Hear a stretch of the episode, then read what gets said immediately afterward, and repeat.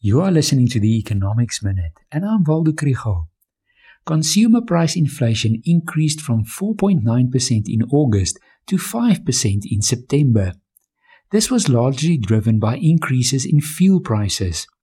On average, the prices of food and non alcoholic beverages did not increase in September, and this is good news for consumers. Yet, one must remember that beef is now 10% more expensive than this time last year, and a bottle of sunflower oil is now the most expensive it has ever been. So there's still pressure on household budgets. Some of the other price increases are perhaps indicators that economic activity is picking up a bit, and sellers feel that they are able to increase prices slightly. Inflation of car rentals, restaurants and hotels rose in September. With the inflation rate at 5%, it is higher than the midpoint of the Reserve Bank's target range.